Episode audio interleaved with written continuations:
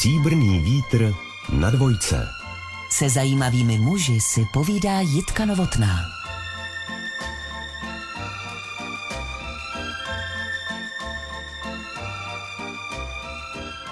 Díky němu chodí po této zemi mnoho dětí, či někdejších dětí, z těch, jejichž život vysel na vlásku kvůli zákeřné chorobě. Svůj obor hematoonkologii viděl růst, zažil v něm mnohé úspěchy, zlepšující se výsledky a prognózy.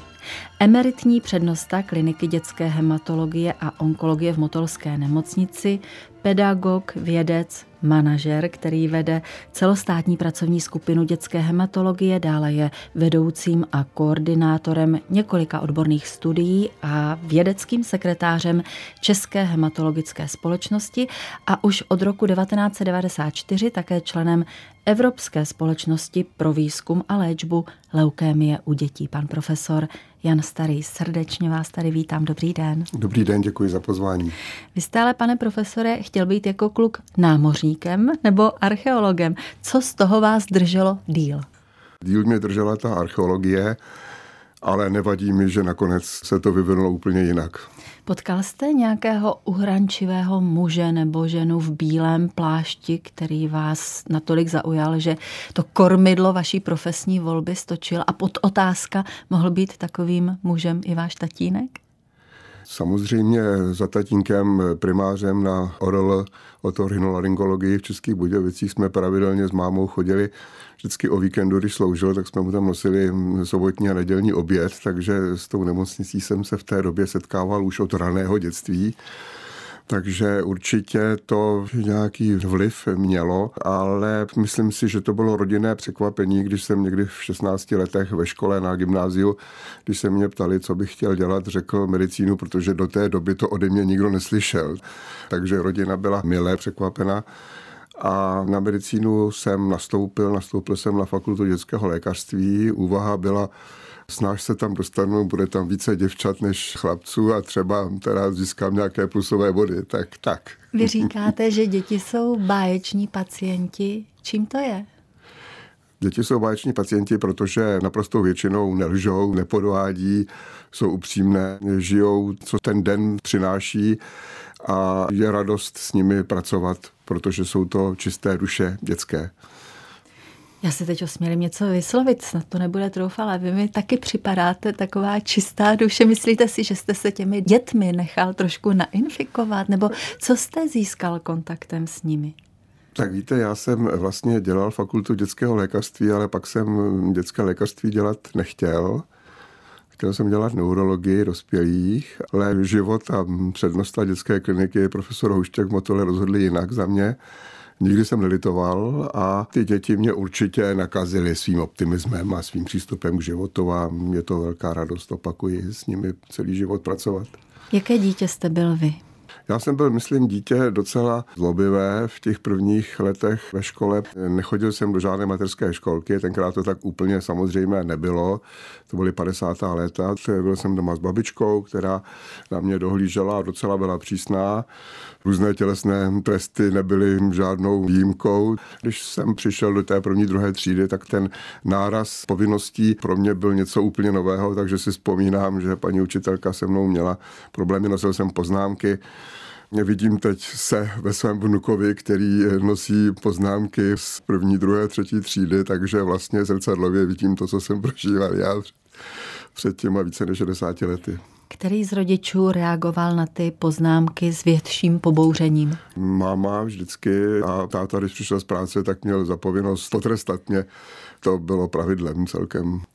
Jakou profesi měla maminka? Maminka byla úřednice takže doma byl přísný režim. Určitě velmi dbala na to, abych měl dobré známky a velmi těžce v uvozovkách nesla, když ty známky nebyly dobré, ale oni většinou byly dobré, takže po této stránce to bylo docela dobré, ale jinak si nemůžu stěžovat. Měl jsem docela volný režim jako dítě, vychovávané v Vilové čtvrti v Českých Budějovicích, v místě, kde nebyla žádná výpadová silnice z města, kde jel jednou za čas autobus a my jsme mohli běhat po ulicích, jezdit na kole a hrát fotbal a hokej na řece, která byla 200 metrů od domu takže dětství nemělo chybu. Taky si třeba trošku představovat, jaké to je být tím archeologem. Co dál vás zajímalo? Ve škole jste byl šikovný, úspěšný, měl jste určitě prostor i na nějaké koníčky. No, já jsem žil takové to normální dětství dítěte na okraji města, takže moje hlavní zájem bylo zhodit tašku do kouta po návratu ze školy a jít ven. Když byla zima, řeka zamrzala, tak jsme hráli hokej od příchodu ze školy až do tmy. A když nebyla zamrzlá řeka, tak jsme hráli hokej na ulici s míčkem tenisovým a hráli jsme fotbal takže, a kolo, takže já jsem byl neustále v pohybu. A když jsem nebyl v pohybu, učení celkem moc potřeba nebylo, tak jsem si četl, rád jsem četl.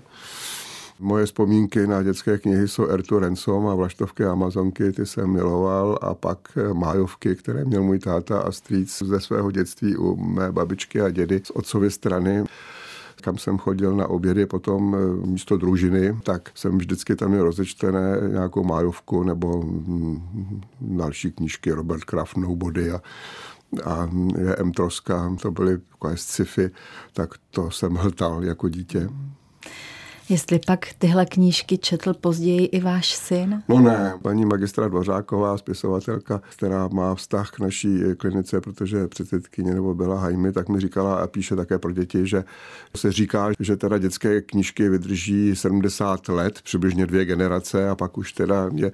Takže můj syn přečetl za svůj život velmi omezený počet knih a vnuk v tom pokračuje, hmm. takže to už je prostě jiná generace. Váš syn je právník, přál jste si někdy v koutku hloubku duše, aby rozvíjel to lékařské poslání? Tak on to vlastně nikdy nepřipustil. On má je oba rodiče lékaře, tak vyhlásil už snad někdy předškolní věku, že teda ani náhodou lékař nebude, tak to prostě byl fakt, na kterém trval. Takže jsem se touhle myšlenkou vlastně nikdy neobíral. Co by měl, pane profesore, člověk zvážit, dobře zvážit, než se odhodlá přihlásit na medicínu? Tak medicín je mnoho a přitom je vlastně jenom jedna. Ta dobrá medicína, ať ji děláte v jakémkoliv provedení. A medicína je hodně práce, celoživotně se vzdělávat a samozřejmě podle toho, jakou cestou jdu, jestli jako praktický pediatr, mluvíme-li o, dětských, o dětském lékařství, nebo jako lékař primář na okresní nemocnici, nebo teda v akademickém prostředí na klinikách hodně nočních služeb a hodně přemýšlení o svých pacientech a hledání toho, co pro ně člověk může udělat, tak s tím se prostě musí počítat.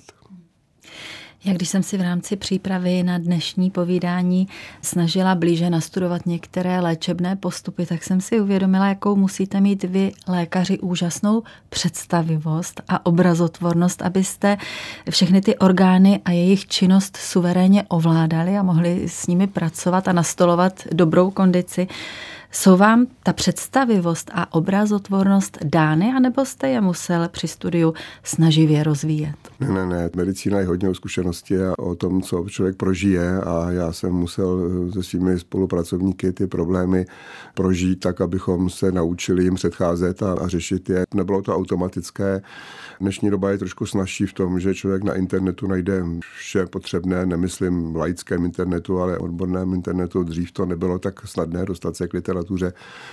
A my jsme se mnohdy učili vlastními chybami, tak to medicíně je, a zvlášť v takovéto medicíně, kterou my jsme dělali, kdy jsme neměli možnost celkem s nikým se moc poradit, jak to dělat jinak, lépe. Prostě museli jsme začít a naučit se z vlastních chyb. A ještě mi řekněte, proč jste původně chtěl věnovat svou píly a pracovitost neurologii. neurologii Čím vás fascinoval ten obor? Chtěl eh, určitě charismatická osoba, profesor Hanzala, což byl náš eh, profesor na neurologii. A to, co neurologie v té době znamenala, byla velmi elegantní diagnostika, ovšem velmi zadní zaostávající léčba, takže to mělo dvě stránky mince. A mě ta diagnostika a ty nemoci, které on nám vysvětloval a přednášel, velmi lákaly ale ze dne na den se to pak změnilo a prostě tak to bylo. Tak to byl atraktivní obor, která zkouška byla nejvydřenější? No, nepočítám zkoušky z marxismu, leninismu, které tedy jsem procházel ne moc úspěšně, ale Jistě státnice byly náročné, interná patologie asi jistě. Na to jsem si nechal významnou část léta, což jsem jinak nedělal. Ale to bylo na jiné aktivity, než učit se, ale patologie, která byla ve třetím ročníku, tak já jsem měl vítr v kombinaci s mikrobiologií. Pak určitě ty první dva roky, kde jsme měli obory jako chemie, fyzika, tak to mě úplně nesedělo, ale tak jo, prošlo to. A když vás požádám o vzpomínku na nejšťastnější momenty z dob studií medicíny, co to bylo? A vůbec to nemusí být studijní záležitosti. Tak studentský život je život veselý, byť jsme studovali v 70.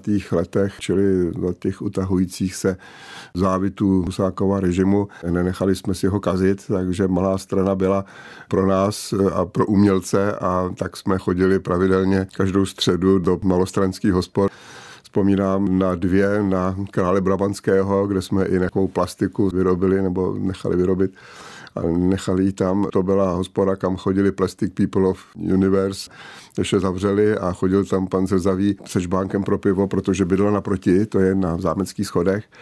No a pak jsme přesunuli se ke dvou silcům Lužického semináře, kam zase chodila paní Slávka Budínová se svým manželem, panem režisérem Novákem, protože oni bydleli v takovém domku na Klárově, kde to měli pár metrů.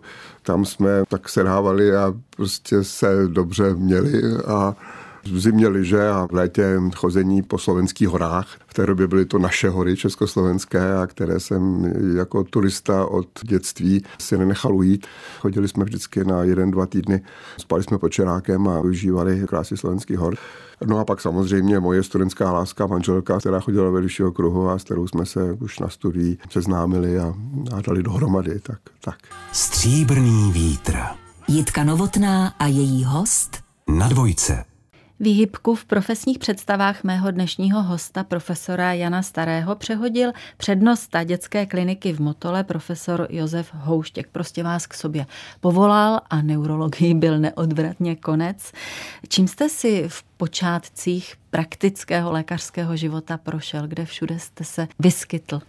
Tak já jsem ten první rok po promoci nastoupil na kliniku v srpnu 76, než jsem šel na rok na vojnu. A pracoval jsem ten rok na oddělení respirací, což znamenalo seznámení se s těmi nejčastějšími nemocemi dětí. Současně jsem chodil na ambulanci s tehdejšími asistentkami, co na tom oddělení pracovali, takže jsem poznával prostě medicínu, základní problémy nemocí dětského věku. A na té klinice to bylo tak, že mladší sekundáři vždycky šli pracovat na takovou všeobecnou ambulanci, kam posílali praktičtí pediatři mnohdy velmi zkušení děti, které měly nějaký problém, který nemohli ambulantně vyřešit, tak ho poslali do Motola a já tam stál jako úplně neposkvrněný nejmladší sekundář a měl jsem ty problémy řešit, tak to byla docela dobrá škola. Pak samozřejmě služby, které nebyly jednoduché. V té době se valily na nás děti tak, jako se valí dnes, možná víc ještě stonali než dneska a neměli jsme skoro nikdy žádné místo na klinice, protože klinika neměla buví kolik lůžek a měla řadu odborností, včetně třeba kardiologie, ještě předtím, než odešla do kardiocentra. A tak jsme vždycky začínali službu s jedním, dvěma lůžky a teď teda se valily ty nemocné děti a některé skutečně potřebovali hospitalizovat. Tak významná část mé služby bylo, že jsem obtelefonoval pražské kliniky a prosil, jestli by nemohli ty děti někde přijmout. Proč jste si pak na druhé dětské klinice v Motole vybral hematologii a zaměřil se na onkologické nemoci krve, které v dané době byly značně neproskoumané a jevily se de facto jako beznadějné? Na té klinice bylo několik odborností, které klinika pěstovala, nebyly to všechny odbornosti, byla tam endokrinologie, čili cukrovka u dětí, poruchy růstu, byly tam ty respirace, nefrologie, problémy ledviny a kojenci s takovou všeho chutí a pak tam byla hematologie a kardiologie. Kardiologie byla na odchodu do kardiocentra profesora Šamánka a hematologie byla pod vedením pana profesora Hrodka, v té době pana docenta Hrodka, což byl výjimečná osobnost české pediatrie, 60 let pracoval na klinice a to byl člověk, který mě tu hematologii natchnul. A tak eh, když za mnou přišel s tím, že mi nabídl místo u sebe, tak já jsem mu rovnou říkal, že jsem za ním chtěl jít a o to místo ho poprosit. Takže to byla vlastně jednoduchá volba. Ta otázka výsledků hematologie nebyla jenom leukemie, hematologie byla i jiné nemoci, různé chodokrevnosti, selhávání kostní dřeně z jiných příčin než leukemie, hemofilie, krvácivé nemoci chlapců do kloubů. Byla tam bohatá ambulance, ale viděl jsem v tom perspektivu, že je tam spousta možností, jak ty věci zlepšovat. Že to může být jenom lepší, že to nemůže být horší. No lepší to být mohlo, protože v dané době jste měli omezený přístup k odborné literatuře, k informacím ze zahraničí, k tomu značné limity finanční. Představuju si to správně, že ke slovu ve značné míře došla improvizace, fištron, vtip. Museli jste je hodně vyvíjet? No, ano a ne. Samozřejmě nám nezbývalo nic jiného, než improvizovat v situaci, kdy nám některé léky prostě ten stát neposkytnul, protože prostě buď vůbec nebyly, a nebo byly jenom omezeně a museli jsme o ně složitě žádat o mimořádný dovoz to samozřejmě trvalo vždycky delší dobu, tak jsme vždycky museli mít dopředu naschromážděné nějaké léky od těch předchozích pacientů. Na druhé straně té improvizace nesmí být třeba zrovna u takové nemoci, jako je leukemie, příliš mnoho, protože improvizace nedělá na léčbě takovýchto nemocí dobře. Musíte se řídit určitým docela striktním postupem a jeho dodržování, pokud je to možné, přináší ty nejlepší výsledky. Takže je to takový balans mezi tím, že improvizujete improvizujete, ale přitom byste nechtěla improvizovat. Má se velmi dobře vědět, co máte udělat a zrealizovat to. A co jste třeba dělali, když se u dětí objevily nějaké nenadálé projevy, reakce, neznámé? Kam jste se obrátili? My jsme se učili za pochodu polovina 80. let, což pro mě byly ty začátky na hematologii v roli mladého sekundáře, pak na půl vědeckého pracovníka těch komplikací nebylo až tolik, protože jsme používali léčebné schéma, které nebylo tak náročné pro ty děti a nepřinášelo tolik komplikací, ale daní za to bylo, že nepřinášelo ani buví jaké výsledky, že sice děti dosáhly takzvané remise, kontroly nemoci, ale ta netrvala dlouho a u většiny z nich se leukemie vrátila u víc než poloviny z nich a pak už jsme ji velmi obtížně dostávali pod kontrolu a už to vlastně se velmi rychle přecházelo do tom, čemu se dneska říká paliativní léčba s šancí prodloužit, zlepšit život, ale ne vyléčit ty děti. Takže jsme ty komplikace opravdu zásadní a velké začali poznávat, až když jsme převzali německé léčebné postupy v druhé polovině 80. let a,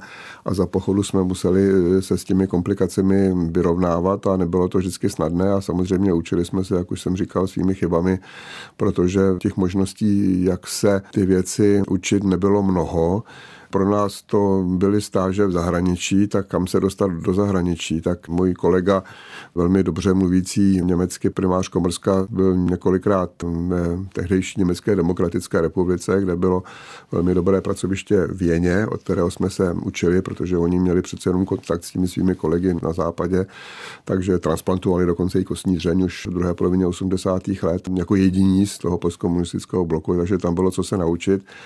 Já jsem se dostal na první stáž eh, v roce 86 do Upsaly, do Švédska, protože v té době se přece jenom trošku některé možnosti otvíraly a univerzita měla spolupráci určitou se skandinávskými univerzitami. Tam se byl dva týdny a ty mě spíš jako ukázali hloubku rozdílu mezi jejich zdravotnictvím a naším. Pak jste byl na tři měsíce v Norsku, mm. to bylo v roce 88. I tam, předpokládám, se nutně musel dostavit smutek z toho stavu, když jste srovnal zdravotnictví norské a vůbec společnost norskou a tuzemskou, ale určitě jste toho hodně odkoukal a přivezl sem. Co bylo to nejcennější? Několik věcí. Za prvé, když už eh, vzpomínám na Oslo, na Norsko, tak jsem se tam velmi dobře seznámil s tehdejším přednostou dětské kliniky profesorem Lee, který byl padesátník v té době a čekala ho zářná kariéra prezidenta Světové dětské onkologické organizace a my jsme se stali dobrými přáteli. On opakovaně jezdil do Prahy přednášet, stal se dokonce hostujícím profesorem Univerzity Karlovy a tím, jak se stal prezidentem té Světové dětské organizace, tak mě umožnil návštěvu několika prvních kongresů začátkem 90. let této organizace, na kterou jsme dřív s výjimkami se špatně dostávali, tak to byly kroky, které mě určitě pomohly to přátelství s ním. No a jinak vidět skandinávské zdravotnictví v té době byl velký zážitek, protože to je jedno z nejlepších zdravotnictví na světě. Nevnímal jsem jenom péči o děti, ale i třeba onkologii dospělých a uvědomoval jsem si rozdíly a dostal jsem se tam poprvé k takzvaným centrálním žilním katetrům dlouhodobým. Navštívil jsem tam továrnu na jejich výrobu, mohl jsem přivést první katetře k nám a začít je dovážet na mimořádný dovoz, tak to byly zkušenosti k nezaplacení. Já jsem vždycky se snažil mít otevřené oči na svých stážích, který pak bylo celá řada v 90. letech a vždycky něco přinést. V mezičase se změnilo i vaše postavení. Vy jste se v roce 88 ve svých 630 letech stal vedoucím dětské hematologie. Jak se proměnil váš pocit, když už jste musel začít rozhodovat, přebírat zodpovědnost za ty léčebné postupy a kroky? Dopadla na mě tíže mm, odpovědnosti. Do té doby jsem byl prostě lékař. Zásadní rozhodnutí dělali jiní a já byl ten další pořadí od toho roku 88, to bylo na mě. Já jsem prostě byl ten, který rozhodoval, jak se děti budou léčit, rozhodoval o tom, jak se budou diagnostikovat a kam budeme směřovat a samozřejmě jsem si tím více uvědomoval odpovědnost, kterou jsem tím získal a každý neúspěch na mě dopadal podstatně větší měrou než předtím. Ano, to se změnilo velmi, ale nicméně musím říct, že jsem se v této roli cítil docela tak jako dobře. Měl jsem dobré spolupracovníky, mé mladší kolegy, několik mých lékařů z oddělení šlo se mnou dlouhou dobu. Za mých začátků byla ještě role takzvaného kroužkového učitele. Na medicíně jsou rozděleni medici do kroužků přibližně po 15 lidech a v té době měl na odpovědnost jako jeden asistent, který s nimi procházel celé to studium a já měl teda jeden kroužek, než to zrušili po roce 90 a z toho kroužku tři medici, pak lékaři nastoupili na oddělení ke mně a vlastně celý život se mnou jdou, tak to jsou lidi, na které se mohu spolehnout a kteří dělají skvělou práci. Hostem pořadu Stříbrný vítr a Jitky Novotné je dětský hematoonkolog, pan profesor Jan Starý. 28. listopadu 89 jste provedl tehdy 37-letý první transplantaci kostní dřeně u dítěte s akutní leukémií u nás. Jaký to byl den? Jak jste ho prožíval? No, my jsme s kolegou, přítelem Komerskou prožívali to horečně, protože na jedné straně jsme nemohli nevnímat, co se děje ve společnosti, na druhé straně jsme byli hluboce ponořeni do toho, že máme velkou odpovědnost za zahájení transplantačního programu, které by mělo výjít a nesmíme udělat chybu. Dítě bylo malé, ten léčebný přípravní režim byl náročný. Na onkologii jsme museli zajistit 8-hodinové ozáření dítěte celotělové v celkové narkoze, takže se ozařovalo místnosti, kam nikdo nesměl, ale anesteziolog seděl s námi ve vedlejší místnosti a křižovali jsme se teda, jak toto všechno dopadne. Pak, když jsme podali bratrovu kostní dřeň, vykapali, tak hned v noci mělo dítě čtyřicítku. Tak co to zase má znamenat? Komunikovali jsme s eh, paní primářkou Lukášovou z dostavu hematologie krevní transfuze, která už eh, řídila v té době program transplantací dospělých a měla víc zkušeností. Tak to byly nervy na všech stranách, takže na letenské pláni jsem nebyl, byl jsem v nemocnici. Kdo vám dodal kuráž do té transplantace? O koho jste se hmm. mohl opřít? My jsme viděli, že se nepohneme dál bez transplantace kostní dřeně, protože byly stavy a nemoci, které bez toho nešly a už prostě ve světě běžela a my jsme to věděli a Věděli jsme, že ty první kroky komplikované ústavu hematologie a krevní transfuze, taky to nebylo jednoduché, ale nicméně zaběhli kolegové v ústavu ty základní věci jako vyšetřování dárců a podobně. Toho my jsme využili, zpracování toho štěpu, toho transplantátu té kostní dřeně, tak to byly všechny věci, o které jsme se mohli opřít. A současně jsme pozvali pana profesora Cintla, což byl přednosta dětské kliniky v Jeně, to jediné pracoviště, které dělalo transplantace. Ukázali jsme mu naši jednotku, naše stany života Life Islandy a to, co všechno máme. On říkal, začněte, není na co čekat, tak to pro nás byl poslední stimul, který nám řekl, ano, jdeme do toho. A pak rodiče těch prvních pacientů, kteří byli velmi pozitivně naladěni k tomu, aby se ta transplantace provedla, chtěli to. A takových rodičů bylo několik, věřili nám a ta důvěra byla důležitá.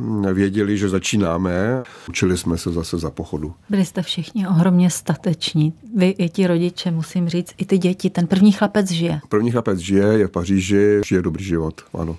O kolik složitější byly potom transplantace od nepříbuzných dárců, se kterými jste začali v roce 97? My jsme několik těch transplantací u jednotlivců udělali a neúspěšně. Věděli jsme, že takhle to nejde, že nemůžeme jenom jako někoho, že musíme začít program nepříbuzných transplantací. Já jsem se rozjel do Bristolu, kde jsem strávil jeden měsíc v zimě, v opravdové zimě v anglické. Na transplantační jednotce v té době byla nejlepší transplantační jednotka pro děti v Evropě a kolega Sedláček, který po mně pak převzal transplantační program a vede ho do dneška, tak ten odjel na půl roku dělat sekundárního lékaře do Seattleu. Fred Hutchinson ústav, to byla meka transplantace, odtud pochází nositel Nobelovy ceny profesor Thomas, který transplantaci kostní dřeně zavedl do klinické praxe a, když jsme se oba vrátili, tak jsme si řekli, prostě začneme a začali jsme teda prvního první 97. Každý, kdo byl indikován k nepříbuzné transplantaci a měl nalezeného dárce, tak jsme ho transplantovali a zase za pochodu jsme se tedy učili zvládat komplikací, kterých bylo víc, protože řada věcí nebyla tak dobře zavedená, jako je dneska, včetně vyšetřování dárců a takže jsme se pohybovali někdy ve velmi komplikovaných situacích. Mimochodem v tom Bristolu jste pobýval díky jednomu šlachetnému člověku. Hmm. Víte, kdo to byl? Především jeho manželce, paní Starkové, na kterou vzpomínám s velkou úctou, nejenom já, Profesor Stark, její manžel, byl slavný kardiochirurg, který emigroval v 68. z Česka do Londýna, tam Great Ormond Street eh, Hospital, jednom z vedoucích pracovišť na světě kardiologických, dělal skvělou práci a po revoluci založil nadaci fond, kdy sponzoroval pobyty českých lékařů ve Velké Británii. Já jsem to využil dvakrát, jednak na ten měsíc v tom Bristolu a jednak pak ještě tři neděle jsem byl v tom Great Ormond Street, kde se nachází nejenom kardiologie, ale dětská hematoonkologie, takže na ty věčně vzpomínám paní doktorka Starková, bohužel začátkem tohohle tisíciletí poměrně brzy a nečekaně zemřela. Dá se dnes o transplantacích kostní dřeně říct, a nemyslím to nějak ošklivě, že je to rutinní záležitost? Ne, není to rutinní záležitost a nikdy to nebude rutinní záležitost. Je to pořád léčebný postup, který má neuvěřitelné možnosti, ale současně může prostě selhat a nikdy nevíte dopředu, u koho se to stane. Většinou to projde dobře, ale někdy ne a pak se z toho může stát opravdu velmi problematická situace, když to dítě se s tím transplantovaným orgánem kostní dření nesrovná a ten ho ničí doslova zaživa. Takže co jsou další témata do budoucnosti ke zdokonalení léčby a k dalšímu vývoji v oblasti transplantace kostní dřeně? Já úplně si nejsem jist, jak a jestli vůbec se podaří transplantaci změnit v nějakou bezpečnou metodu, která se stane rutinní záležitostí, protože za těch více než 30 let, kdy transplantaci sleduji, tak vidím, že ten pokrok je, ale některé ty problémy přetrvávají a nedaří se je změnit, jako je ta takzvaná reakce štěpu proti hostiteli, protože v ní je mimo jiné ukryt ten úspěch transplantace reakce štěpu proti leukemii. Leukemické buňky dokážou přežít všechno, včetně atomového výbuchu a nakonec se s nimi dokážou vyrovnat cizí zdravé bílé krvinky ale ty zrovna tak dokážou eh, ničit eh, toho pacienta a my to od sebe oddělit eh, neumíme. Ty samé buňky, které zabíjí leukemické buňky, dokážou zabít to dítě a nedaří se té medicíně to vylepšit nebo vyřešit, takže nevím, nevím, podaří se to. Třeba jednou bude transplantace kostní opuštěna, nárazena něčím jiným tuto chvíli třeba pro leukemie je něco, co ji dokáže v některých situacích nahradit, je genová léčba leukemii vlastními bílými krvinkami genově opravenými a v ní je potenciál transplantací kostní dřeně pro alespoň některé pacienty omezit a nahradit touhle novou léčebnou metodou, převratnou léčebnou metodou.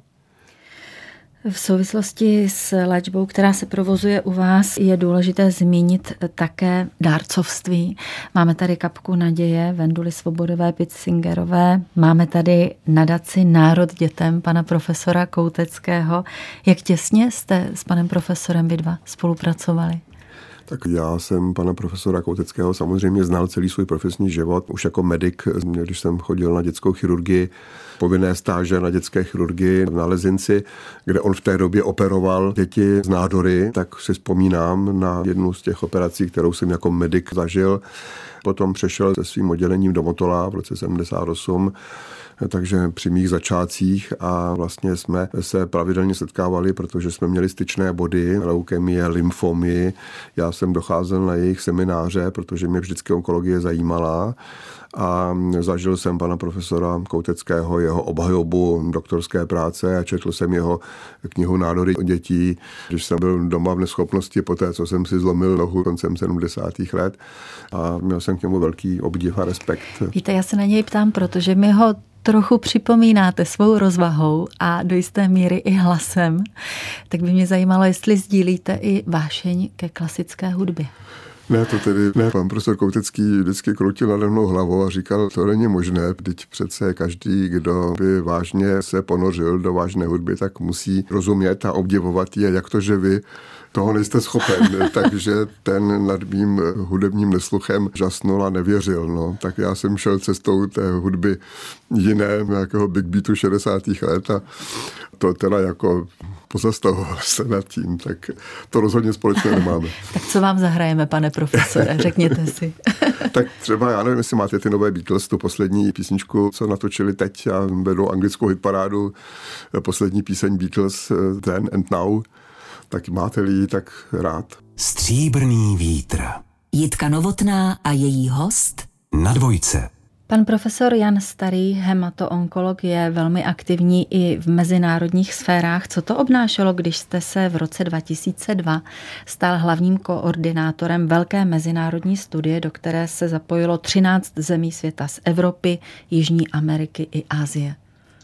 Tak předcházelo tomu zapojení se do těch mezinárodních aktivit, které nebylo úplně samozřejmé, protože ty mezinárodní aktivity běžely úspěšně celá léta. Najednou jsme se my v 90. letech zjevili a chtěli jsme do nich aktivně vstupovat a nikdo na nás otevřenou náručí úplně na začátku nečekal, ale když jsme se nedali odbít, tak brzy kolegové pochopili, že medicínu neděláme špatnou a otevřeli nám svoji náruč a v roce 94 eh, nám umožnili vstoupit do té mezinárodní společnosti pro dětskou leukemii, kam já jsem zpočátku jezdil jako jediný náš zástupce a pak jsem přibral jednoho svého kolegu vedoucího laboratoří, profesora Trkova.